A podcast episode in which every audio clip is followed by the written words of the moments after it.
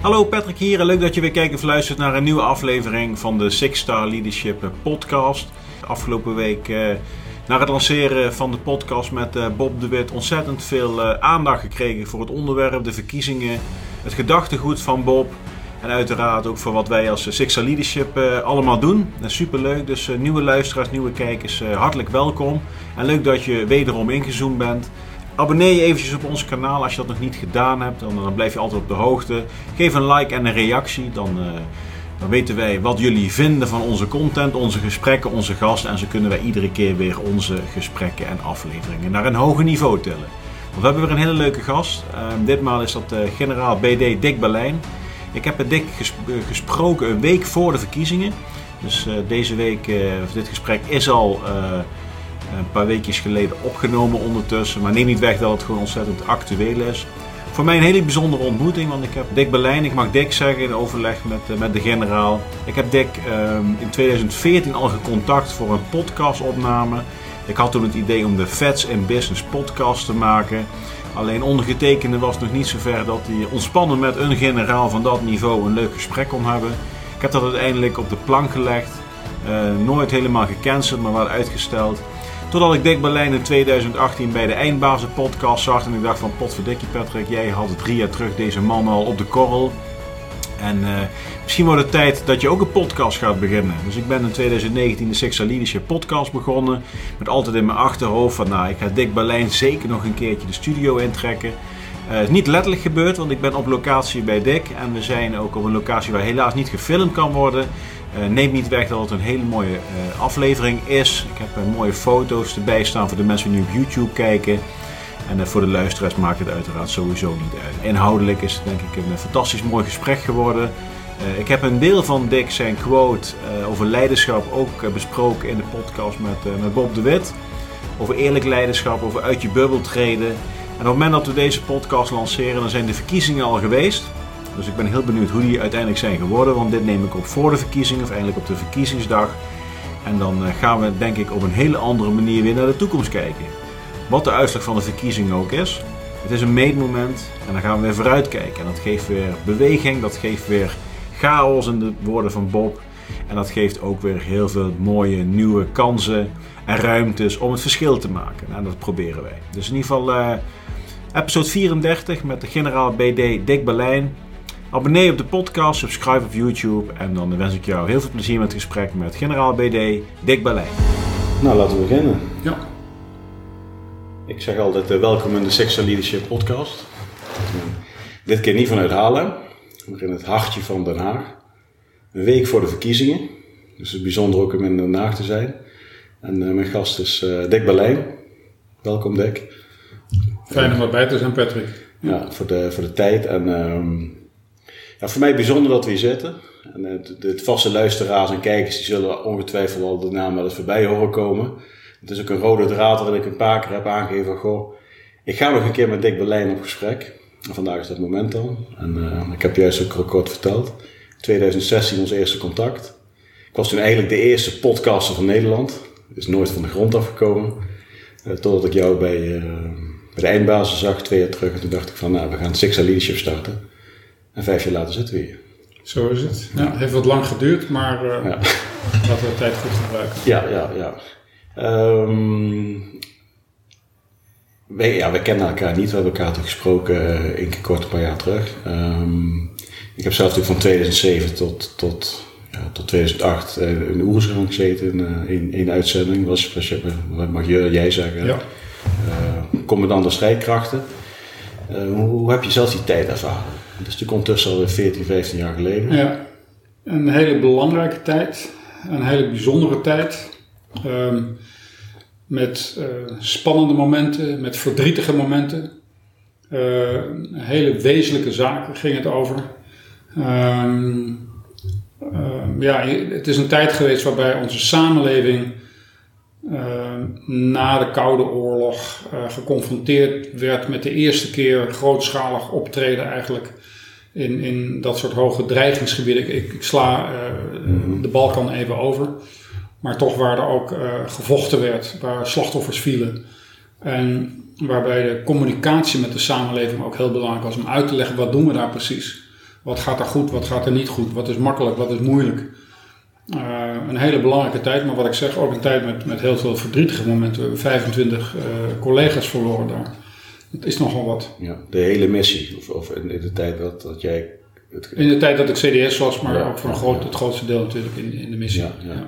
Maar de, de, de CDS-functie destijds, want volgens mij is het in 2004 gestart volgens mij. Mm -hmm. um, was, was dat de eerste in die nieuwe ja, het is het, uh, vroeger was het chef defensiestaf. In 2004 werd ik chef defensiestaf. Mm. Uh, maar de functie veranderde een jaar later. Toen werden eigenlijk de lijntjes van de bevelhebbers naar de minister, rechtstreeks naar de minister, die werden doorgeknipt.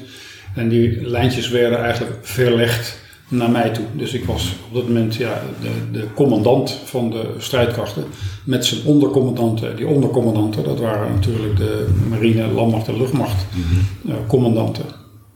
Ja, en, en veranderde die functie wezenlijk? Want die veranderde. Dat was dus niet meer een, een, een primus inter pares rol die de chef defensiestaf had.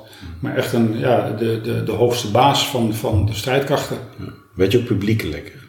Het werd ook uh, meer zichtbaar ja. in, in de samenleving. Dat was een bewuste keuze. Er is ooit een keer een commissie Fransen geweest... wat zich gebogen heeft ook over uh, die nieuwe rol van de, van de CDS...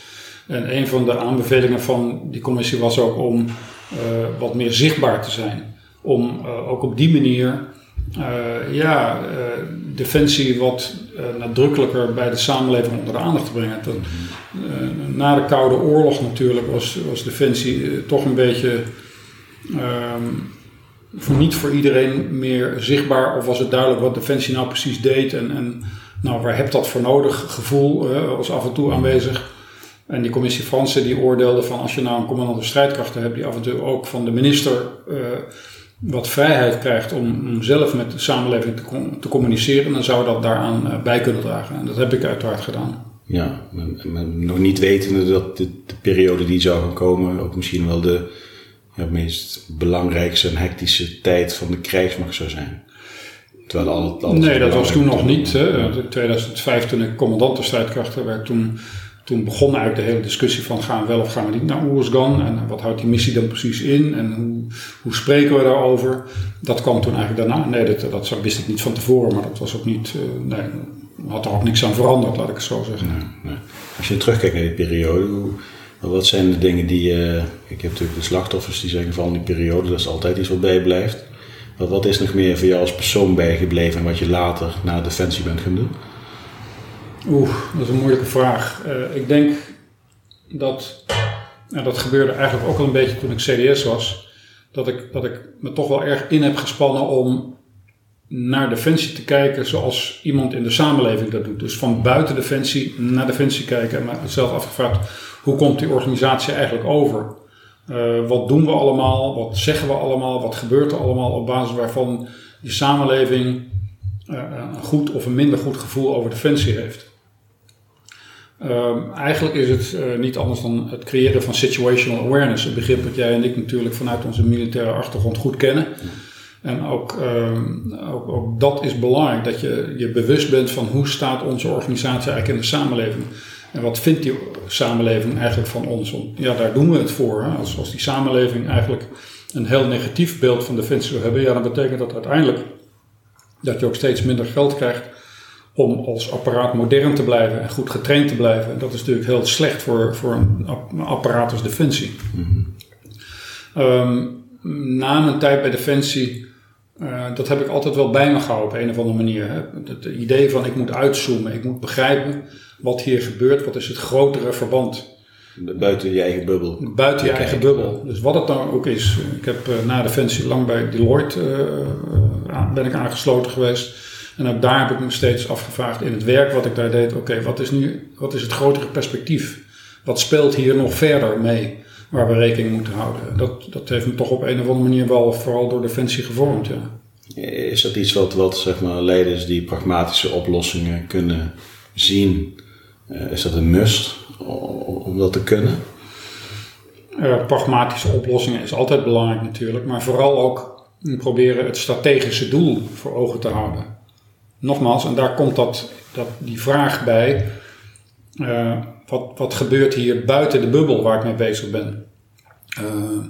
ga ik daar goed mee om? Communiceer ik goed met, met, met die, die, die stakeholders buiten mijn eigen gezichtsveld? En, en als ik dat goed doe, ga ik dan mijn strategische doel ook bereiken? ja, dat type denken, dat heb ik echt wel ik ben zeker niet de enige. Ik denk dat we dat als militairen ehm, natuurlijk constant aangereikt krijgen. Wat is de hogere intentie van deze missie? Wat willen we uiteindelijk voor effect bereiken? Oké, als, als dat het hogere doel is, als dat het strategische doel is, dan betekent dat dat ik mijn handelingen daarop moet richten. Dan moet ik dit wel doen en dat niet doen. Dat is een type denken wat, wat in het militaire gebeuren natuurlijk heel nadrukkelijk aanwezig is. En wat ik ook ja, in, het, in het bedrijfsleven, voor zover ik dat heb meegemaakt, me goed bewust van ben geweest. Ja, want je, bent, je hebt aardig wat advisory boards, uh, hoe zeg ik dat, ondersteund of bekleed of hoe, hoe moet dat zeggen? De advisory boards waarin ik uh, zit? Ja. Is dat ook dan iets specifieks wat ze dan aantrekken in, in, in, in jou als persoon en je ervaring? Dat weet ik niet. Dat is heel verschillend, want ik heb in heel veel verschillende advisory boards gezeten en ik zit er nog in een aantal. Um, soms denken mensen aan mij vanwege mijn netwerk. Uh, soms zijn het omdat ze toch, uh, ja, dat wel. Ik, ik, spreek veel over leiderschap. Ik geef daar vaak uh, lezingen over. Ik heb er veel lezingen over gegeven. Doe dat af en toe nog wel eens. Dat mensen op basis daarvan zeggen: Goh, dat spreekt ons wel aan zoals je over een aantal dingen denkt. Dus het is heel wisselend. Ja, en wat springt er dan uit uit zo'n lezing? Ik probeer ook leiderschap te benaderen vanuit, vanuit een idee van wat, waar gaat het nou eigenlijk om? Uh, waarom vinden we leiderschap nou zo belangrijk? En ik denk dat we erachter zijn gekomen dat het grote verschil tussen falen en succes voor een heel groot deel wordt bepaald door de kwaliteit van leidinggeven. Ik bedoel, je, je moet uh, goede spullen hebben, je moet goed opgeleide mensen hebben. Maar als de sturing van de eenheid, het leiderschap van die eenheid falend is, doordat er niet goed wordt gecommuniceerd of je kan mensen niet enthousiast krijgen om met jou het doel te bereiken, dan is het eindresultaat bagger. Andersom, als je niet zulke goede opgeleide mensen hebt en de spullen zijn niet zo heel goed, maar je hebt geweldig goede kwaliteit van leiding geven, dan kunnen ze nog een heel mooi succes bereiken. Dus ik probeer met name, ik heb met name afgevraagd van wat is nou precies het belang van leiding geven? Wat is het nou wel en wat is het nou niet? En daarbij in mijn verhaal put ik natuurlijk heftig uit mijn ervaring bij Defensie, waarbij ik niet zeg tegen het gehoor waartegen ik spreek van je moet het vooral allemaal doen zoals Defensie dat doet. Elke organisatie is anders. Maar leidinggeven, dat heeft veel meer te maken met uh, ja, aspecten die ons als mens aanspreken. Uh, het uniform is maar iets. Hè. Het verschil tussen een militair en iemand uit het burgerleven is het uniform. Voor de rest, de mensen die zijn hetzelfde. Die willen gemotiveerd zijn, die willen begrijpen waar het over gaat. Die die willen uh, geteld worden, die willen geïnformeerd worden. Ik bedoel, dat heeft niets te maken met uh, een typische militaire omgeving of een typische civiele omgeving. Dat is altijd waar. Dat is universeel. Dat, is, dat, dat, leiderschap waarover ik spreek, dat, dat, dat is universeel, ja. Ja, je schiet iets in mijn hoofd. Bijvoorbeeld een Formule 1 team. De keuzes wie zeg maar het, het leiderschap, het team, de teamlead maakt. Bijvoorbeeld Red Bull, Christian Horner als de auto net wat minder is, alleen het leiderschap eromheen, iedereen haalt het maximale uit zichzelf, dan kun je eigenlijk je materieel overstijgen. Pure factor op mens. Absoluut, dus, uh, daar geloof ik in. Ja. En um, ja, ik, nogmaals, ik zeg dan altijd graag erbij dat ik het niet uit een boek heb geleer, uh, geleerd. Ik, heb, ik hang geen model aan. Ik heb proberen na te denken van, van de dingen die ik heb meegemaakt. Wat waren voor mij nou de bijzondere leermomenten? Of wat heb ik een bijzonder goed leiding gegeven gezien van andere mensen? En waar heb ik soms dingen gezien waarvan ik dacht van kijk eens hier, dit is typisch iets waardoor het resultaat niet wordt gehaald omdat het, het leiding niet goed is. Um, en dat probeer ik door te geven, dat probeer ik over te vertellen. Ja, noem er iets, iets van. Jeetje. Wat is, een, wat is een leider die dan zegt van hé, hey, die heb ik in mijn eigen loopbaan of iemand die ik wel eens zie of hoor? Weet je, ik geloof dat uh, leidinggeven vooral gaat over jezelf afvragen uh, wat jouw toegevoegde waarde is. Ik denk dat wij allemaal precies weten, intuïtief precies weten wat goed leidinggeven is en wat niet goed leidinggeven is. Waarom? Omdat wij soms leiding geven, maar wij ontvangen ook soms leiding. Wij weten verrekte goed als wij leiding ontvangen wat we prettig vinden, wat we niet prettig vinden. Dus ik geloof dat het daarmee begint. Uh, en je afvraagt, wat vind ik zelf als, als, wat ervaar ik zelf als prettig leidinggever? Nou, ik wil geïnformeerd zijn. Ik wil dat de dingen die ik doe, dat die gezien worden, dat ik daar erkenning voor krijg. Ik wil uh, een, leider hebben die inspirerend is, die me enthousiast maakt en waar, waardoor ik lol krijg in mijn werk. Um, dat zijn van die dingen. Ik wil niet belazerd worden door mijn leidinggevende. Dus eerlijk zijn, authentiek zijn is vreselijk belangrijk. Ik wil niet uh, aan andere standaarden gehouden worden dan de leiding zelf. Met andere woorden, lead by example. Geef zelf het goede voorbeeld. Uh, ik wil weten waar het over gaat. Met andere woorden, stop een hoop tijd in communiceren. Ik, eh, ik gebruik vaak het, het, het voorbeeld van hmm, het advies wat ik tegen jonge commandanten gaf: van als je nou niks te doen hebt, pak een stoel, ga op je stoel staan, haal je team bij elkaar en vertel gewoon hoe jij, wat jij ervaart. We zijn met dit bezig, uh, volgende week mogen we dat verwachten, dit gaat goed, dat gaat niet goed, daar hebben we van geleerd. Creëer situational awareness, geef informatie. Waarbij je moet voorzichtig zijn dat hè, er is al heel veel informatie, teletext, sms, uh, social media, noem maar op. Er komt dan een berg aan informatie. dus het gaat over het duiden van de informatie. Wat zien we hier, wat zien we daar, hoe moeten we dit in dit grotere verband zien? Dat zijn allemaal belangrijke elementen van goed leidinggeven. En, je, en, je, en jezelf dan ook kwetsbaar opstellen door ook je gevoel te delen. Eerlijk zijn, fouten durven toegeven. Ja. er zijn mensen die zeggen als ik leiding uh, geef, dan heb ik een bepaalde autoriteit en dan mag ik nooit toegeven dat ik fout ben. Nou, dan denk ik dat je twee fouten maakt. Je hebt kennelijk een foute beslissing genomen die je niet wil toegeven.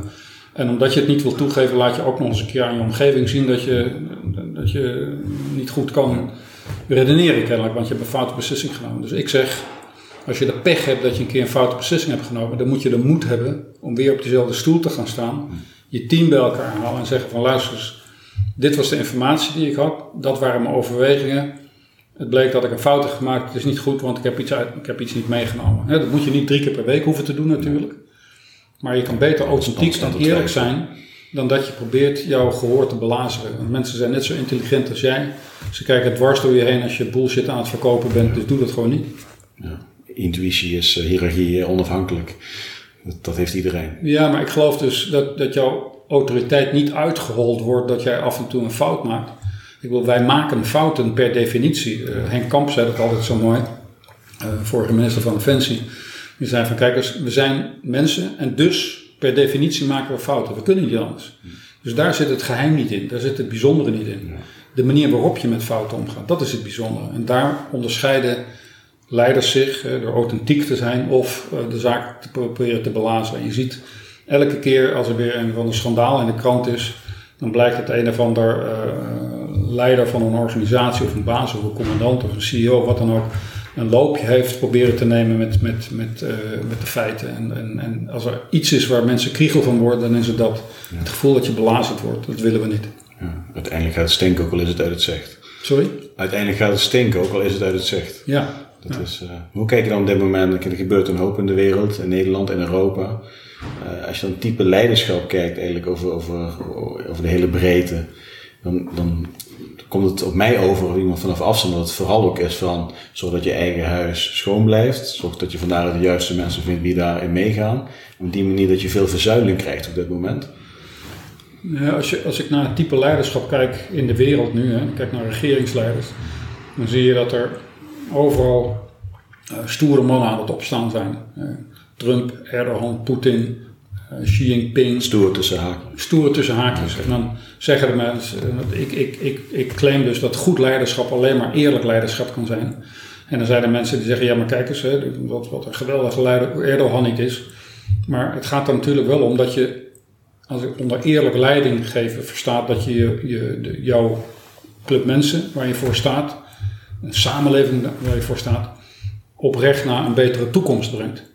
En dat, ik denk dat je dat niet kan zeggen van een aantal hele autoritaire leiders die we zien of gezien hebben in het verleden. Dat waren misschien krachtige leiders die mensen enthousiast konden maken om een nieuwe autobaan te maken. Ik zeg het maar even zo. Maar uiteindelijk het volk naar de verdoemenis hebben geholpen. Dat zijn geen, in mijn optiek geen goede leiders. Dat zijn wat ik dan noem de valse leiders. Die, die nemen je op sleeptouw naar een, naar een verschrikkelijk doel. Uh, als ik het over goed leiderschap heb, dan heb ik het over moreel leiderschap. Dan heb ik het over Nelson Mandela, dan heb ik het over Martin Luther King, dan heb ik het over Mahatma Gandhi. De mensen die ehm, eh, een, een, een, hun volk meenamen naar een betere toekomst. En dat op zo'n manier deden uh, dat mensen ze eigenlijk blindelings wilden volgen. Omdat ze authentiek waren, omdat ze oprecht waren. Omdat de mensen echt het gevoel hebben, deze mensen hebben het beste voor met ons. Die wil ik leiden. Dus dat is wel een groot verschil tussen die twee typen leiden. Ja, dan zonder, zonder eigen belang. Volstrekt zonder eigen belang. Echt vanuit, uh... vanuit het belang van de, van de samenleving de goede dingen doen. zelfs niet ten koste gaan van, de, van jouzelf. Dat, dat is, vind ik, de hoogste vorm van leiding geven. Ja. Uh, heb, je, heb je twee ministers van Defensies meegemaakt? Kamp en Middelkoop? Ja, ik heb er toen ik BDL was van de luchtmacht, was het Frank de Graven. Toen was het Henk Kamp. Er zat tussendoor nog even Benk korthals, maar dat was maar heel kort. Henk Kamp heb ik de langste tijd meega meegemaakt en Eimert van Middelkoop. Ja. ja. Zit, zit daar een verschil tussen? Want kijk, Kamp is natuurlijk echt vanuit de VVD. Frank, maar ook Frank de Graaf ook, ja. Middelkoop niet. Ja. Zit er verschil tussen de, de personen en sowieso? Ja, maar dat was meer door de personen en niet zozeer door de partij die ze, uh, waar ze lid van waren. Ze zijn allemaal anders natuurlijk. Ik heb uh, wel van die uh, mensen die ik net noem, Henk Kamp vond ik heel prettig, omdat hij voorspelbaar was. In die zin dat als je met hem sprak en, en en hij kon je grillen hoor. Hij kon je absoluut grillen om te weten of je nou echt wel bij het goede end had.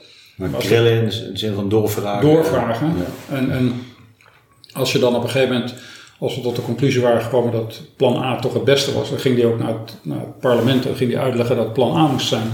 En als de Tweede Kamer dan vervelend deed en dat niet aan eerste instantie mee wilde, mee wilde gaan daarin, dan kwam hij de volgende dag terug en ging hij nog een keer uitleggen dat het plan A moest zijn. Mm. Zelfs zo ver dat het parlement irriteerde, maar hij was wel streed. En hij had voet per stuk. Ik heb ook wel eens een minister meegemaakt. Uh, uh, welke functie dat dan was, dat wil ik even in het midden laten. Maar die toch erg aan het marchanderen waren. Hè, die, of die de naam hadden van oké, okay, het is plan A, maar dan ga ik even in Nieuwsport gaan kijken of dat allemaal wel flyt, dat ballonnetje. En als ik dan het idee krijg dat dat niet goed is, dan, nou, dan gaan we maar voor plan B. Dan wordt het onvoorspelbaar. Uh, dat vond ik lastiger. Um, um, ja, dat kan ik wel van zeggen. Ja, omdat je eigenlijk ook samen een blok bent voor dat waar je verstaat, vanuit Defensie. Dat, ja. dat vertrouwen wordt dan geschaad. Nou ja, zo erg is het niet, maar het is, het is voor, voor het ministerie, voor voor uh, uh, die laag is het lastiger, want je weet nooit precies op welke manier de mening van jouw minister dan wordt beïnvloed. En dan is het lastiger daar, om daarmee om te gaan. Sommige zaken die vanuit de, laten we zeggen, de militaire optiek heel logisch waren, die kunnen in de politieke omgeving ineens helemaal niet meer belangrijk geworden vonden, gevonden worden. Uh, en dat maakt het moeilijk om mee, mee te dealen eigenlijk. Hoe kijk je nu naar defensie? Want, want je, we zaten vorige week nog samen in dezelfde clubhouse. Dat ging over cyber. Okay. Als een groepje was, uh, was je ook mee aan het praten. Het is een hartstikke medium waarin je heel makkelijk aan kunt sluiten. Uh, je, je, doet veel met cyber. De laatste jaren al volgens mm -hmm. mij. Hoe kijk je nu naar defensie, uh, de investering in de toekomst? Ja, defensie is natuurlijk een, een geweldige boost gekregen. Hè? Na, na zo'n beetje een 2010 uh, was een beetje een dieptepunt. En ik heb begrepen dat daarna die, die investeringsquote uh, prachtig aan het klimmen is gegaan. En nu is er sprake zelfs van een hele hoop geld wat, wat ook goed moet worden weggezet. Hè, wat goed moet worden besteed. En het is allemaal belastinggeld waar Defensie mee te maken heeft. Maar ik vind heel goed dat uh, in de samenleving er nou meer draagvlak lijkt te zijn. Meer begrip lijkt te zijn dat je niet lid van een uh, grote organisatie kunt zijn, zoals NAVO of, of, de EU, en vervolgens een beetje klaplopermentaliteit op nahoudt. Met andere woorden, ik, ik wil wel uh, recht uh, claimen op, op jullie bescherming, maar ik betaal niet mee als het om de contributie gaat. Dat kan niet. En ik geloof dat de samenleving dat beter begrijpt. En daarom ook mm, meer bereid is om, om datgene aan defensie betalen wat nodig is om modern te blijven. En, Defensie is een apparaat dat als je het in moet zetten, dan moet het modern zijn. Dan moet het state of the art zijn. Dat ben je verplicht aan de mensen die eraan werken. Je kunt niet de offers van mensen vragen die, die je vraagt als samenleving. Als je ook niet je uiterste best hebt gedaan om ervoor te zorgen dat die mensen de beste spullen hebben en de beste training die je kunt veroorloven. Ik vind het heel goed dat dat besef in ieder geval aanwezig lijkt te zijn in de samenleving. Ja, ben je zelf dan betrokken bij Defensie als, als adviseur? Niet officieel, nee, nee, nee. nee. Af en toe spreek ik natuurlijk wel nog ehm, ex-collega's. Het kan soms zijn dat ik iets zie of meemaak of iets hoor waarvan ik denk van hé, hey, dat is interessant voor Defensie om dat, uh, daar kennis van te nemen. En dan geef ik dat graag door. Uh, en, en, een enkele keer, dat, dat gebeurt niet zo vaak, word ik vanuit Defensie gebeld van hé, hey, dit en dit speelt, hoe zat het nou ook weer precies, wat is er in het verleden gebeurd of waarom was dat zo? Uh, maar dat is steeds minder het geval. Nee, okay.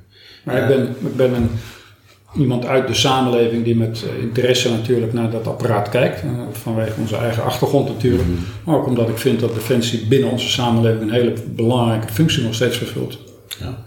Als, vanuit, de, vanuit de grondwettelijke zaken, maar ook vanuit de vorming, nee. vanuit het volle cultuur. Nee, van, vanwege, kijk, we hebben een samenleving. En die samenleving is hartstikke belangrijk. En als die goed functioneert, kunnen we daar de meest mooie dingen mee doen. Zorgen voor onderwijs, gezondheidszorg, uh, goede infrastructuur, veiligheid, noem maar op. Als die samenleving niet goed functioneert, dan kunnen we niks.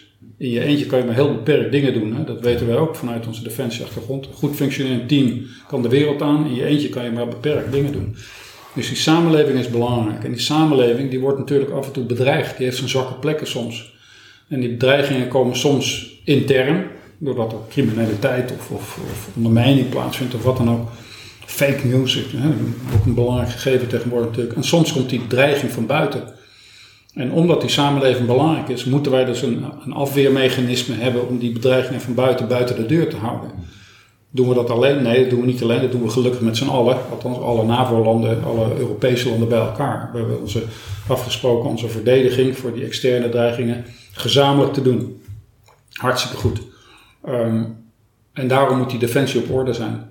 Zeker met de schuivende panelen die we nu zien. Hè. Amerika, wat zich qua buitenlandbeleid uh, wat aan het terugtrekken is, of, of, naar de andere kant van de wereld kijkt. Uh, Rusland, die meer vrijheid voelt om, om, om uh, allerlei dingen te doen aan onze oostgrens. China, dat economisch gezien belangrijker wordt en meer ruimte voor zichzelf claimt in de Zuid-Chinese zee, en et cetera, et cetera. Dus er verandert nogal wat in de wereld. En dat betekent, vind ik, dat Europa vooral op zijn tellen moet blijven uh, passen. Uh, conflicten ontstaan niet als twee partijen sterk zijn. Conflicten ontstaan als een van de twee partijen de ander als zwak ziet. Ga maar na, als jij, uh, ook, ook in ons dagelijks leven, bullies, die pakken een zwakke, die pakken niet een sterk iemand. En dat is nou helaas ook in de internationale wereld is dat zo. En vandaar dat ik vind dat Europa een geloofwaardig, sterke defensie moet hebben en houden. Niet omdat we daarmee allerlei avonturen willen gaan beleven, maar we willen juist vermijden dat een ander uh, de, de, de miscalculatie maakt, de, misberekening uh, zou maken om misschien nog eens een avontuurtje te beginnen. Ja, dus we moeten veel meer pro-Europees gaan denken om, om, om niet zwakker te worden binnen dat. Europa, vind ik, moet een geloofwaardige, sterke uh, defensie overeind houden. Ja. Zijn er nu al grensoverstijgende initiatieven, met name op dat, dat cyber en dat fake news allemaal? Is dat allemaal nog ontzettend versnipperd? Uh, om, om, die, om dat fake news en die cyberdreigingen tegen te gaan. Mm -hmm. uh, nou, dat fake news zeker, dat, dat is iets wat we pas nou ja, de afgelopen jaren hebben meegemaakt. Voornamelijk natuurlijk ook door een Amerikaanse president die, die er heel bijzonder mee omging. Heeft om alles wat, hij, wat hem niet beviel als fake news te verklaren. En allerlei dingen die wel waren, nou ja, of zelf ook fake news te introduceren.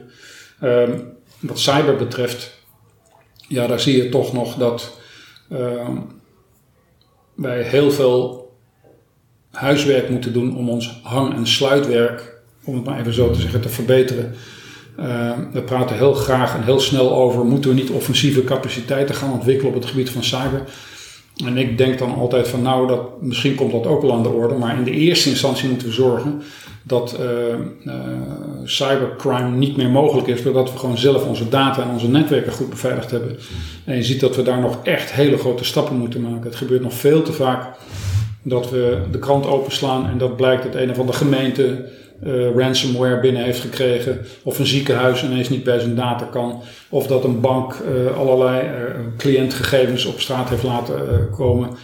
Er is nog heel veel slordigheid wat dat betreft. En ik vind dat we, zeker ook Nederland, kijk, de hele grote partijen, de grote corporates, die hebben een hoop geld en die kunnen dat uitbesteden om dat veilig te maken.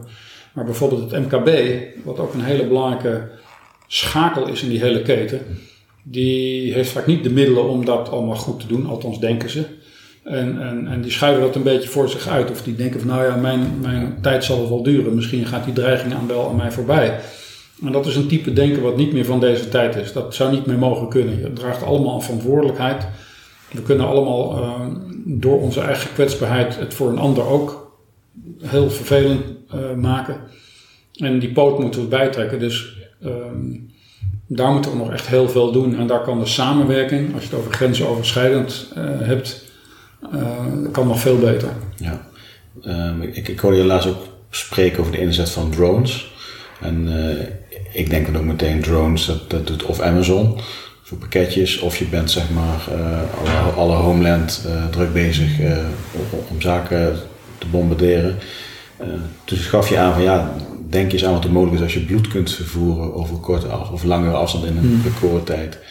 Dat soort initiatieven, dat, dat vindt heel weinig richting naar de bevolking toe, wat allemaal technologisch mogelijk is om dat soort zaken ook naar een volgend niveau te tellen. Nou ja, ik, ik heb, ben toevallig uh, een beetje betrokken bij uh, Living Lab Neurology uit het Elisabeth II Steden ziekenhuis in Tilburg. En die inderdaad, dus, er waren ook een, een assistent anesthesist met een militaire achtergrond. Die zag hoe wij in Oerisgan bijvoorbeeld ervoor zorgden dat een arts met bloed heel snel bij de patiënt was die in het voorveld, voorterrein geraakt was. In plaats van dat we de patiënt eerst vervoerden terug naar het hospitaal en daar pas bloed konden toedienen. Deze veteraan uit EST die heeft dus gedacht: God, waarom doen we dat in Nederland niet? Als er nou een groot ongeluk ergens is gebeurd, dan zou je niet met de ambulance daar naartoe moeten rijden en dan de man of vrouw op moeten pakken, terug naar het ziekenhuis brengen en daar pas bloed toedienen. Maar eigenlijk zou je dat daar naartoe moeten brengen, dat bloed, met die arts. Zodat je ook de, de golden hour, hè, uh, goed, uh, dat je daar goed mee omgaat. Dat je die tijd bekort waarop een patiënt in een hele kritieke toestand is. Daarbij is ook gedacht over van hoe kan je dat eventueel met drone doen. Dus er gebeurt daar een ongeluk.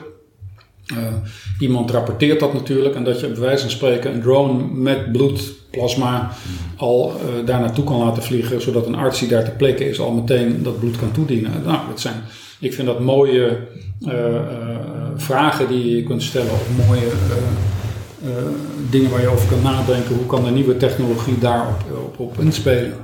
Ja, dat is mooi.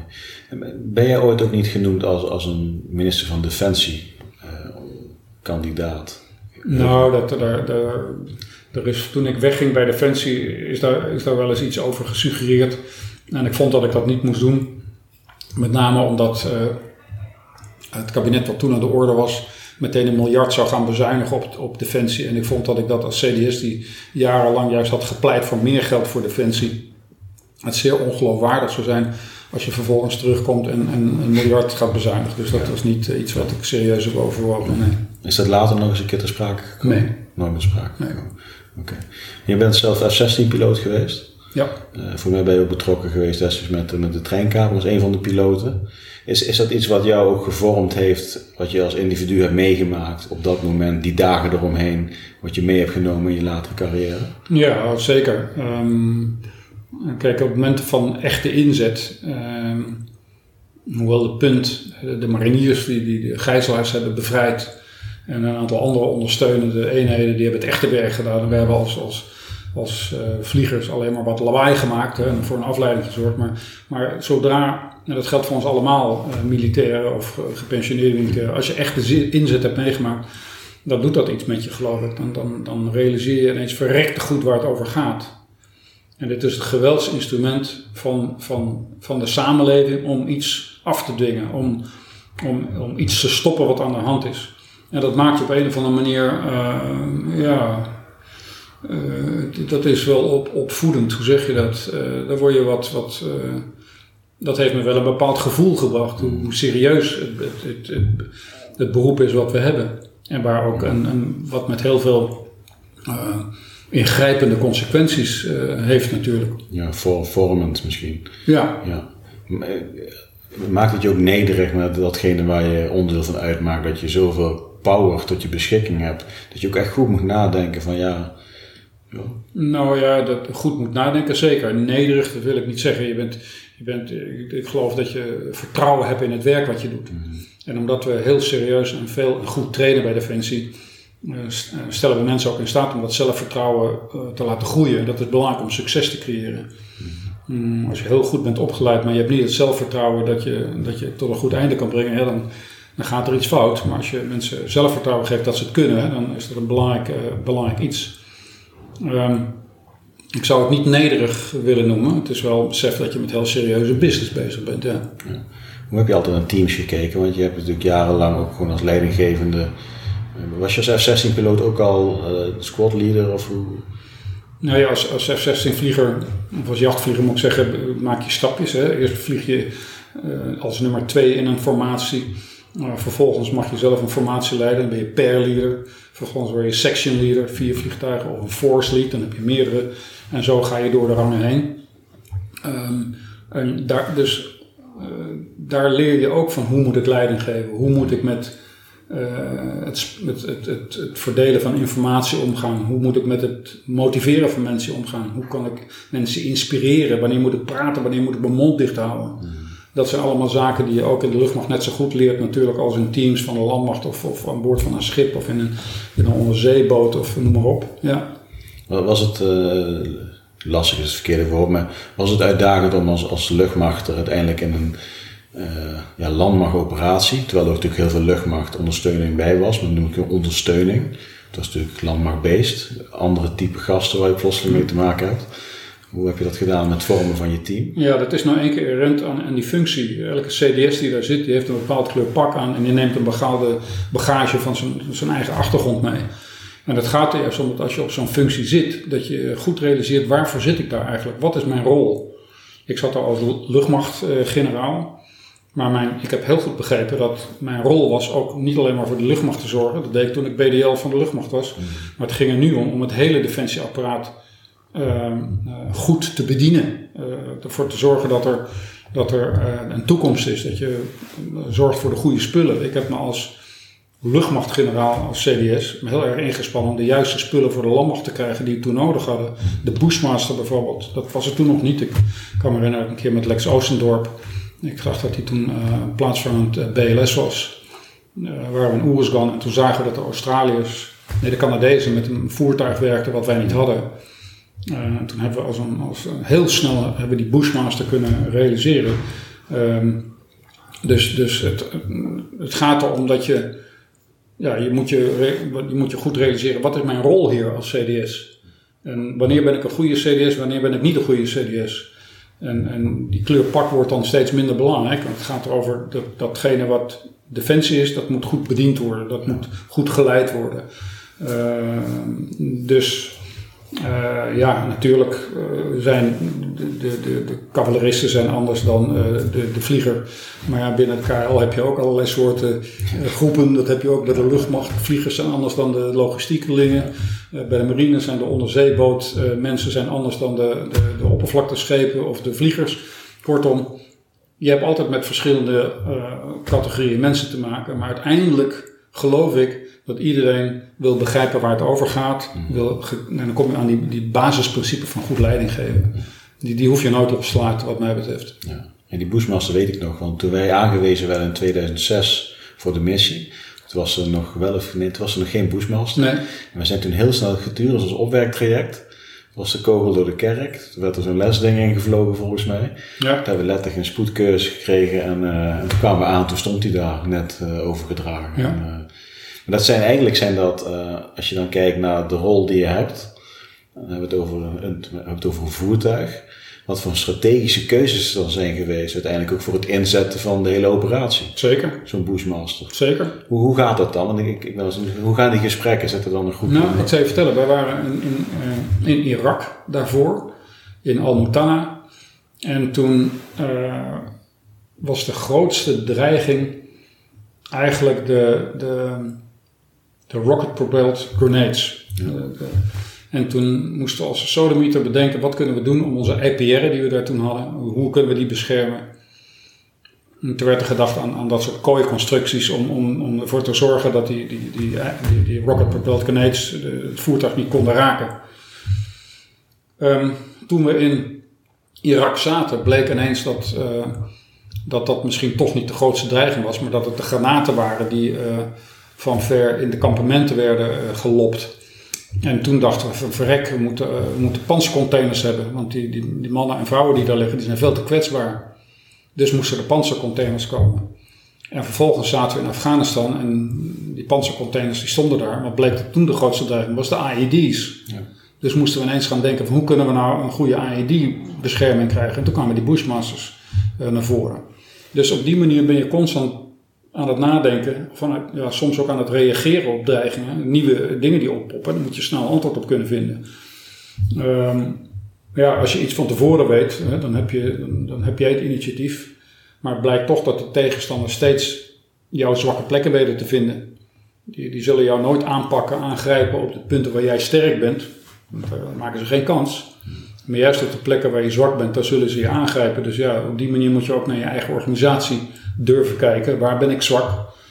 Um, nou ja, als we over cyber hebben bijvoorbeeld. Nou, we kunnen nog wel wat, uh, wat, wat, wat investeren om een goede cyberbescherming te hebben bijvoorbeeld. Je kan er donder op zeggen dat een tegenstander ook daar zal zoeken naar zwakke plekken. Ja, dat is eigenlijk dezelfde methodieken. Alleen het is een ander slagveld geworden. Ja. Het veld, ja. ja het veld is anders geworden. Als we, als we kijken naar, uh, naar Afghanistan, uh, ik zat in 2007, was natuurlijk Derawood was toen uh, best wel ja. heet onder de grond.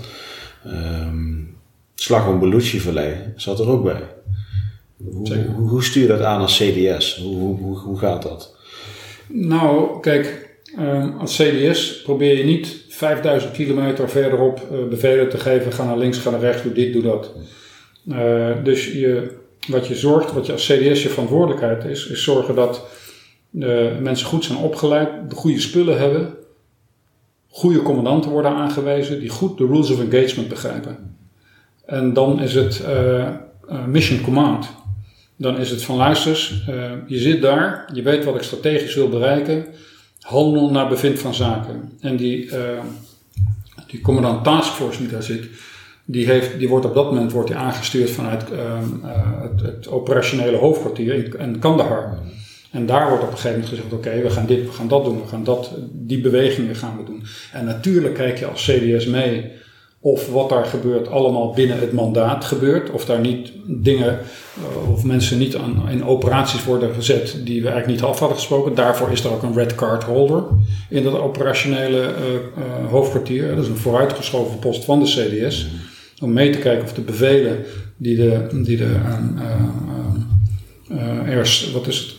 Ik ben even de naam van het commando kwijt. Was het South? Air South? Nee. waar Marten Cruijff ook de baas van is geweest. Ja, de, ja de South was het. Ja. Of, de, of, de, de, of de commando's die daar vandaan komen richting de Nederlandse eenheid, of die wel kloppen allemaal. Hmm. Um, dus daar is geen sprake van tactisch aansturen, dat gebeurt vanuit dat hoofdkwartier.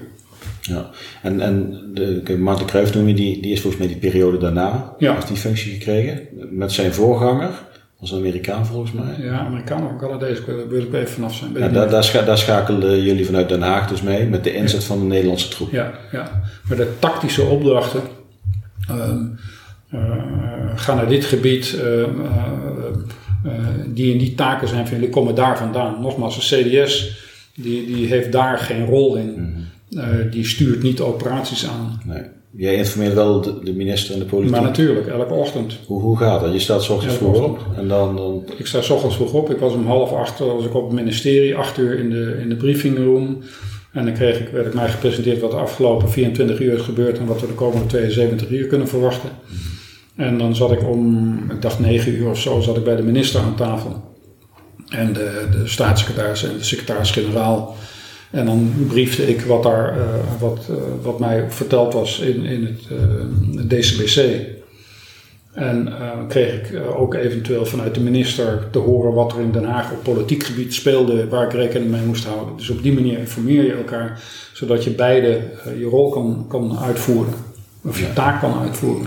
Ja, en, wat er politiek gezien geval speelt, dat is dan zeg maar, het sentiment, eventueel keuzes die eraan zitten te komen, die impact kunnen hebben op Ja. de inzet. Nou ja, of een, een- in het geval van Oeruzgan of, of, of eh, onze eh, eh, missie in, in Afghanistan bijvoorbeeld. Wat, wat, wat wordt er op politiek gebied gesproken? Hoe spreekt men daarover? Eh, wordt er gereageerd vanuit de Tweede Kamer of zo? Of zijn er bepaalde gevoelens waar we rekening mee moeten houden? Of, eh,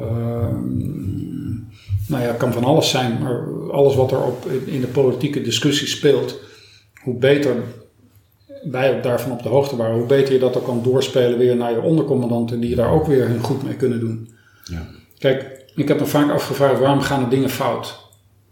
En ik denk dat dingen fout gaan eigenlijk maar om drie simpele redenen. Ofwel mensen zijn niet goed opgeleid op de spullen die ze moeten bedienen. Of ze zijn niet gemotiveerd. Het is niet mijn feestje, hè, waarom zou ik mijn best doen? Maar de echte killer is het niet hebben van de goede informatie. En als je het dus over een inzet hebt van de Nederlandse defensie in Afghanistan, dan heb je het over eh, de man op de vloer in Afghanistan, de man of de vrouw op de vloer in Afghanistan die het werk moeten doen.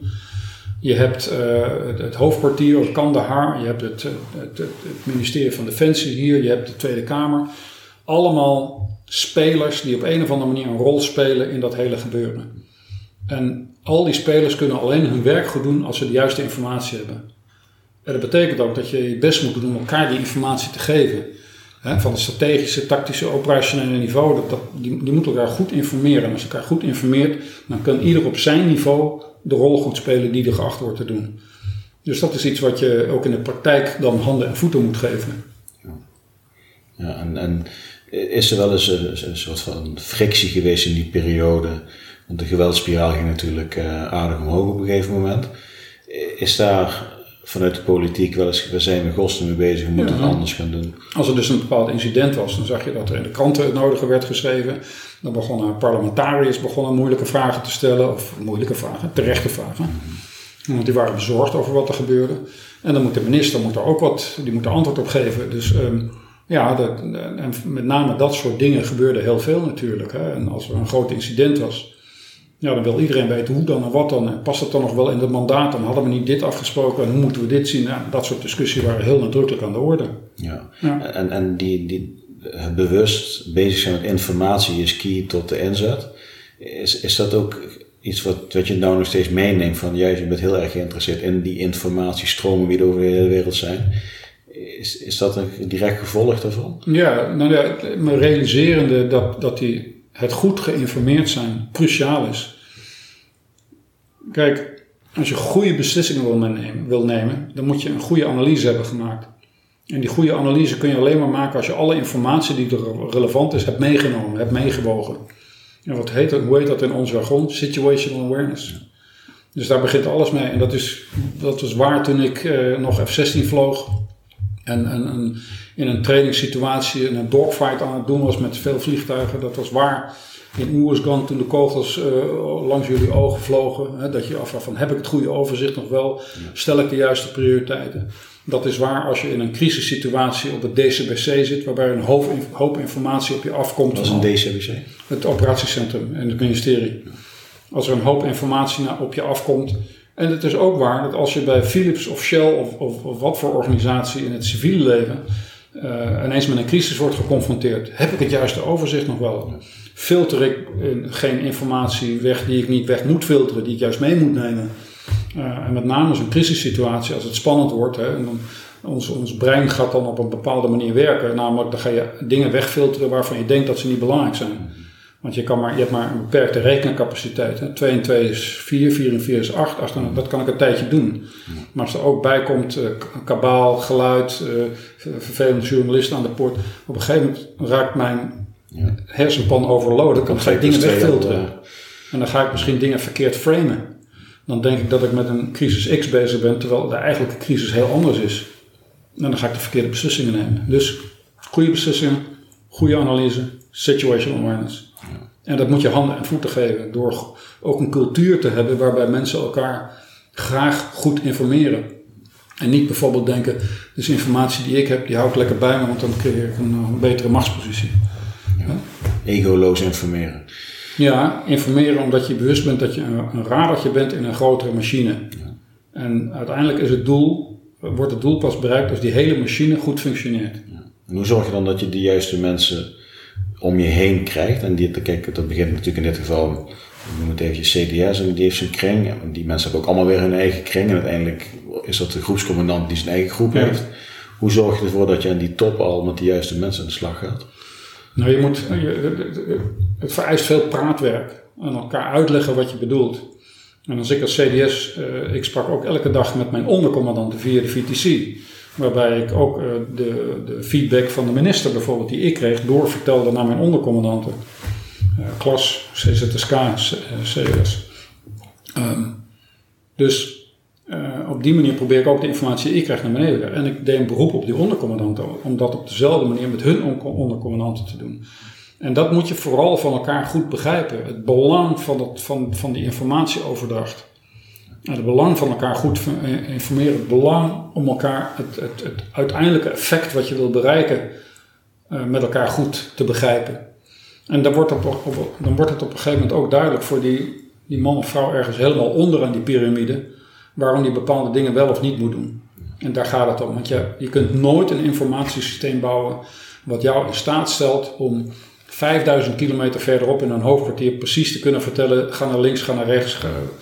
Dat, dat overzicht heb je nooit. Dat heeft die man of die vrouw ter plekke heeft dat beste overzicht. Dus hij of zij moet ook de vrijheid van handel hebben om, om de goede dingen te kunnen doen. Maar dat kan die alleen als hij begrijpt wat het long-term strategische doel is. Ja, is, is dat zeg maar, iets moet herkenbaar zijn en logisch zijn voor iets waar iemand mee bezig is? Ja, Als je, als je zegt van nou, weet je wel, ik heb die 5000 kilometer op detailniveau is dat moeilijk te overbruggen.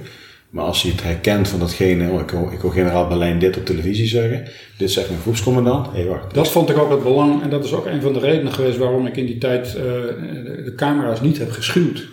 Het werd me wel eens verweten, waarom ben je zoveel eh, in de media? Ik zeg, nou, ik wil eigenlijk over de hoofden van die ondercommandanten heen ook die, die, die mensen onderaan de piramide bereiken. En te vertellen van, hè, we we werden in die tijd ook nog wel eens geplaagd door wat incidenten, laat ik het voorzichtig zeggen, maar seksuele intimidatie aan boord van marineschepen, wapenroof op een vliegbasis in het zuiden van het land, kooksnuivende militairen ergens, eh, vechtende militairen op de markt van Weert, weet ik nog. Ehm, Dat, dat, is mijn, Dus dat zijn- is mijn lichting, de Oh, KMS. nou, ja. Dat zijn incidenten eh, die gebeuren. En wat, wat deed ik dan ook? Ehm, als ik dan een interview had, dan, dan vertelde ik ook van kijk eens, dit is Defensie niet. Wij zijn een fatsoenlijke organisatie die namens de samenleving soms hele gevaarlijke dingen moet doen. De steun van die samenleving ook nodig hebben. Maar wij gaan netjes met elkaar om.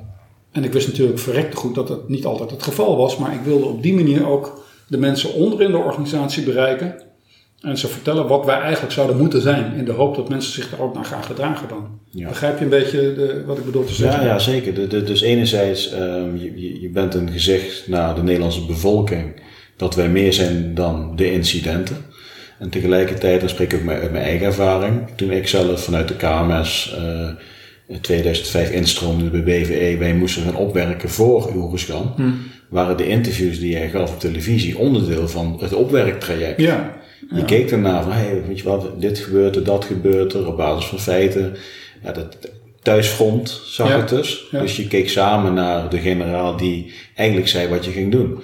Hoeft hij zelf niet meer uit te leggen. dat Nee, maar goed, het is wel, je, je het is grappig dat je dat zo zegt, want zo is dat wel bedoeld. Natuurlijk, als je als CDS communiceert, hoor je te communiceren via de hiërarchieke lijn, dus naar mijn ondercommandanten. En die ondercommandanten die horen dat ook te doen naar hun commandanten. Maar dan gaat er nog wel eens wat verloren, laat ik het zo zeggen. En dus vond ik het ook mijn rol om parallel aan die hiërarchieke lijn ook breed te communiceren. In de hoop dat mensen dat dan ook eh, als versterking zouden zien van hetgeen wat hun eigen directe chef zou zeggen. Ja. En- En het gaf ook aan hoe serieus het was. Dat is natuurlijk zo. Dat speelde ik ook mee. Ehm commando-overdracht. Was ik met generaal. Peter van Hem. Ja. Bijzondere dag. Hoe heb, je, hoe, heb, hoe heb jij dat beleefd, die dag? Ja, nou, de dag zelf was natuurlijk. ehm, Of de aanloop naar die dag misschien al, het afscheid nemen zelf. Mm, Ja, maar ik, ik wist natuurlijk dat op dat moment eh, ik opgevolgd zou gaan worden. Dus, dus daar, daar, daar, daar beweeg je naartoe. Ehm, ehm, ik, was, eh, en ik gaf het over aan iemand waar ik de vol- volste vertrouwen in had. En Peter van Him. En heb nog steeds. Dus, en die dag, ja, dat is onze militaire uh, ceremonie. Die spelen zich dan af, die ken je. Dat hoort erbij. Want het hoort ook duidelijk te zijn wie de nieuwe commandant is. Ik vind het een heel wezenlijk iets van onze cultuur. Dat doen we niet alleen maar omdat we parades leuk vinden. Nee, het is iets wat we doen om duidelijk te geven van luister hij is niet meer de commandant, de bevelen komen nou daar vandaan. En iedereen richt zich Het kwam live op televisie. Sorry? Het kwam toen live op televisie. Jazeker. Het was de eerste keer volgens mij dat het was. Dus dat, dat doen we om die reden. Uh, het, dramatische was natuurlijk eigenlijk uh, wat, wat daarna gebeurde. En ik kan me herinneren dat ik, ik lag in mijn bed. Vijf uur geloof ik werd ik gebeld, s'nachts. En mm, kreeg het bericht vanuit het DCBC, het operatiecentrum hier op het ministerie van generaal, er, zijn, er is een ongeluk gebeurd in Oersgan, er zijn twee mensen overleden. En toen zei ik nog van, goh, verschrikkelijk. Maar je moet mij niet bellen nu, je moet nu mijn opvolger bellen, generaal van UM. Telefoon werd neergelegd. Een paar minuten later belde Freek, Freek Melman mij, de, toen de, de plaats van het CDS. En zei, Dick, het, het, zijn, het is onder andere de zoon van Peter. En, en nog een tweede collega natuurlijk. Um, nou, op dat moment uh, stopt de wereld even. En hoe is het gods mogelijk? Ik heb me toen aangekleed, ben naar het ministerie van Defensie gegaan. Um, um, en toen hoorde ik ook op welke manier Peter van Um werd geïnformeerd. Hè. Die kwam s ochtends ook op dat ministerie en kreeg daar te horen dat zijn zoon overleden was. natuurlijk verschrikkelijk. Dus voor elke ouder is dat verschrikkelijk. Uh, voor Peter dubbel en dwars, want hij heeft daarna de, moed gehad om, in zijn functie te blijven. En, en elke dag dat hij gefunctioneerd heeft in zijn hele CDS-periode, elke dag maar weer heeft moeten nadenken, heeft moeten voelen hoe, hoe was dat voor mijn Dennis. Elke dag ziet hij weer de jonge collega's, elke dag hoort hij de debriefings uit, uit het DCBC, elke dag. Ik heb daar fenomenaal respect voor. Uh, ja. ja. Het is ook niet dat het rustiger werd daarna. Nee. nee. nee. Hebben jullie er nog vaak over gesproken gedurende die periode? Want je bent toch de opvolger, deels draag je ook een geschiedenis over. Met Peter bedoel je? Ja. Nee, ik heb Peter natuurlijk eh, regelmatig nog gezien en af en toe nog wel. Nu met corona natuurlijk al een tijdje niet, maar nee, het is niet iets waar we dan uitgebreid bij stilstaan. We weten allebei wat, dit, wat het betekent heeft voor hem. Um, uh, nee, dus daar spreken we niet zo, zo over, nee. nee. Als je kijkt naar, naar de, dat moment, de, op een gegeven moment raak je ook uit de lijn van de communicatie, denk ik. Dat gaat geleidelijk. Ja, ja. Is dat, is dat, oké, je bent nu niet meer in die rol, het stopt of gaat dat geleidelijk? Nou, ik heb dat, uh, ik weet toen ik zelf gestopt was, um, dat ik ook heel helder voor mij was van kijk, dus dit, dit is nu voorbij. En ik, ik moet nu nadenken wat ik, wat ik, wat ik wil doen eigenlijk uh, met die tijd die me nog gegund is. Um, dus ik heb nooit willen blijven hangen aan, aan die rol of zo van kijk eens, ik ben de ex-CDS of uh, ik moet nog geïnformeerd worden of dat, dat niet. Het is wel zo natuurlijk, het gaat onder je nagels zitten en ja, we zijn allebei we komen uit een, een, uit een familie die, die nou enkel die familie is. Ik, bedoel, ik, ik, ik, ik, zal altijd op een bijzondere manier naar Defensie kijken. En als er dingen worden gezegd van Defensie waarvan ik denk dat is absolute onzin. Ja, dan wil ik dat ook soms nog wel eens zeggen. Of af en toe word ik nog wel eens gebeld door een journalist. En die, die, die wil dan weten hoe zit dit of hoe zit dat. Ik schaam me dan ook niet om even Defensie te bellen. En te zeggen van, hé luister, ik zie het zo. Zeg ik daarmee dingen die jullie absoluut belachelijk vinden. Mhm. En als dat niet het geval is, dan wil ik dat ook wel zeggen. En als ik een idee heb dat, dat het niet iets is waar ik Defensie een plezier mee doe, dan, dan vind ik, dan moet ik daar verder geen commentaar op geven. Ja, oké. Dus, dus, het zit wel echt, zeg maar, dat Defensie hard. Ja, dus ik, ik, ik, ben trouw aan, aan althans hoop ik dat ik ben, aan, aan natuurlijk um, aan die familie. Het, het, het, is niet iets wat je ik geloof dat het is een commitment wat we zijn aangegaan als, als lid van die organisatie. We weten hoe serieus het is en we weten wat er, wat er allemaal van afhangt. Dus je moet daar integer mee omgaan in al zijn facetten. Ja, vind ik mooi om te horen. Dat, dat, je denkt vaak, ik heb natuurlijk ook mijn appgroepjes met mijn oude vrienden, veteranen. Dat dat eigenlijk van, ja, maar ik noem het even de top tot zeg maar ja. boots on the ground. Dat we allemaal die band hebben met... Het zou toch niet anders kunnen ook, weet je wel. Ik bedoel, ik, uh, jij en ik, we zijn allemaal heel jong in die organisatie begonnen. Je, Je, je hebt een band met je eenheid, je, je belazert elkaar niet, je vecht voor elkaar.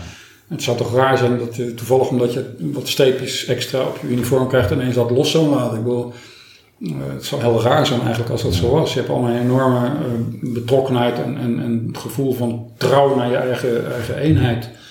Um, ik zou het verschrikkelijk vinden als er mensen uit mijn groep waarmee ik toen begonnen ben, zouden kijken naar mij van hey, hij heeft eigenlijk zijn, zijn, zijn, zijn, zijn hij, hij handelt niet integer of hij heeft zijn, zijn, zijn zeg je dat nou, zijn loyaliteit verkwanseld. Dat zou ik verschrikkelijk vinden. Dat is toch een eer te na, hè, zo'n beetje. Ja. ja, mooi. Wat zijn op dit moment vooral de dingen waar je, waar je druk mee bent, maar ook wat je de komende jaren nog wil gaan doen? Ik vind het uh, plezierig nog steeds om, om uh, mijn ervaring te kunnen delen. niet omdat ik vind dat ik zo bijzonder wijs ben of slim ben, maar af en toe word ik aangeschoten en, en, dan vraagt iemand, God, wil je mee hier naar kijken? Nou, dan denk ik, als het interessant is of als ik het relevant vind, dan wil ik dat best doen. En ik merk dat de dingen die we hebben geleerd in ons, ons leven bij Defensie, dat die vaak nog heel relevant zijn, ook in allerlei andere disciplines. Dus dat vind ik leuk om te doen. Uh, of met, met, soms met jonge mensen. Ehm, ik mag ook af en toe één keer per jaar in een bepaalde curriculum van de Universiteit van Leiden mag ik een verhaal houden. Dat zijn jonge mensen. Nou, dat vind ik, vind ik hartstikke mooi om daar iets te vertellen over, over wat zijn de ontwikkelingen bij Defensie geweest. Om ze iets van die ervaring mee te geven en een beetje het grotere kader te mogen schetsen. Dat vind ik heel prettig om te doen. Ja, zie je er een verandering ontstaan? Van die groep mensen waar je tegen praat? Dat mensen anders zijn gaan denken? En... Nou ja, anders. De, de, ervaringen zijn natuurlijk anders. De dingen die wij hebben meegemaakt, de Koude Oorlog, dat hebben die mensen allemaal niet meegemaakt. Aan de andere kant de hele ontwikkelingen op het gebied van IT hebben zij weer veel intensiever meegemaakt dan ik. Dus daar leer ik weer een hele hoop van. Uh, ja, ja, je hebt er wel heel veel interesse voor volgens mij. De, ja, omdat ik, omdat ik zie wat het voor impact heeft in onze samenleving. En um, zo heb ik het steeds wel altijd benaderd, weet je wel. Ik ben geen IT-expert, ik ben geen security professional. Maar ik heb steeds nagedacht over wat is de relevantie nou van het hele onderwerp, in dit geval cyber op het functioneren van de samenleving. Nou, als wij elkaar niet meer kunnen vertrouwen, omdat de data niet meer klopt, of de netwerken zijn gecorrumpeerd, of we kunnen de politie of de politici of de media of wie dan ook, of we kunnen de getallen niet meer vertrouwen op basis waarvan wij zaken met elkaar doen, dan begint die samenleving heel hard uh, te kraken en te piepen en die komt op een gegeven moment tot stilstand. En ik vind dat zo mooi, misschien het verkeerde woord, maar de ervaringen die jij en ik hebben opgedaan in Irak en Afghanistan, daar zie je hoe een samenleving totaal gestopt is te functioneren, omdat men elkaar totaal niet meer vertrouwt. Dus dat vertrouwen is essentieel. Vertrouwen in, in, de, in, in die samenleving, in het bestuur, in het, in het lokale bestuur, in de politie, in de politiek, in de kranten, et cetera, is essentieel. En alles wat je daaraan kan bijdragen, daar wil ik wel mijn best voor doen. Of alles wat daar dreigt uh, uit te hollen, daar wil ik ook mijn best voor om dat tegen te houden. Dus daar komt mijn, mijn nou, noem het drive of, of, enthousiasme of inspiratie van. Hoe, hoe, kijk je dan naar de, de, de, de huidige tijd in Nederland? Het vertrouwen in uh, dat soort zaken allemaal. Dus ook in Nederland is het ook onder druk. Het vaccinatiepaspoort zit de vooravond van een paspoort. Ook weer kwetsbaar misschien om daar fouten ja. mee te maken. Hoe kijk je daarnaar? Ja, ik, ik, ik um, in de eerste plaats maak ik me zorgen over uh, partijen die gewoon uh, keihard uh, zaken ontkennen, die evident wel aanwezig zijn. als je zegt, ik, ik, ik, ik ontken die klimaatcrisis of ik ontken dat er iets is als een COVID-probleem, dat, daar maak ik me ernstig zorgen over. Want dat is gewoon iets ontkennen wat evident aanwezig is, wat, wat wetenschappelijk aanwezig is. Dus dat vind ik een hele zorgelijke ontwikkeling. Als je dus dingen aan het doen bent die het vertrouwen uh, uh, van in dit geval, uh, nou ja, de, de, wetenschap gaat ondermijnen. Dat vind ik heel slecht. Um, ja, kijk, aan de andere kant ben ik ook wel een optimist en denk ik, on the end zal het wel goed worden. Alleen de schade die we onderweg naar dat in die end meegemaakt, die kan wel eens heel groot zijn er gebeuren heel veel dingen op dit moment. En ik denk dat met name deze tijd om partijen vraagt die vooral proberen de zaken in het bredere perspectief te zien. En, en nogmaals, proberen te begrijpen waar gaat dit allemaal naartoe en op basis daarvan de juiste analyse maken, de juiste beslissingen kunnen, uh, kunnen uh, formuleren. Dus verantwoordelijkheid voor politieke partijen is heel belangrijk. Is altijd belangrijk natuurlijk, maar met name in, in, in, op dit moment, als er zoveel in beweging lijkt te zijn. We gaan, gaan afronden. We hebben een hoop besproken. Dus we mogen concluderen dat, dat eerlijk leiderschap en dat zoveel mogelijk van buiten je eigen bubbel, dat dat misschien wel de sleutel is tot de samenleving die we moeten zijn. Ja, ik denk dat het buiten je eigen bubbel treden om, om, om ook met ogen van buiten naar je eigen organisatie te kijken heel belangrijk is om die situational awareness hoog te krijgen. En ik denk dat goed leiderschap maar op één manier kan en dat is eerlijk zijn, authentiek zijn. En de dingen doen die uiteindelijk in het belang zijn van de groep die jij vertegenwoordigt. Geen dank, Peter. Succes. En dan komt het gesprek met generaal Dick Berlijn alweer eh, ten einde. Ik wil jou bedanken voor het kijken. Ik wil jou bedanken voor het luisteren. Vergeet je niet te abonneren op, eh, op YouTube, op Spotify of op Apple Podcast. Geef een duimpje als je het leuk vond en laat eventueel een eh, comment achter. Wat je ervan vond, we reageren overal op. Dus dat is denk ik heel erg leuk om op die manier ook de interactie te hebben. wat mij betreft een heel mooi gesprek. Ehm, als je kijkt naar de tijd waarin we leven, wat er om ons heen gebeurt. Het, is, het staat niet stil. En zeker eh, de ervaringen en eh, de kennis van iemand zoals eh, Dick Berlijn is, is waardevol om aan te horen, is te overdenken en iedereen moet zelf weten wat hij daar dan ook uiteindelijk mee kan doen. Ik wil ook de generaal bedanken. Dick, bedankt dat jij mijn gast wilde zijn. Erg leuk gesprek en ik sluit graag af met de vaste woorden. Patrick hier, einde bericht.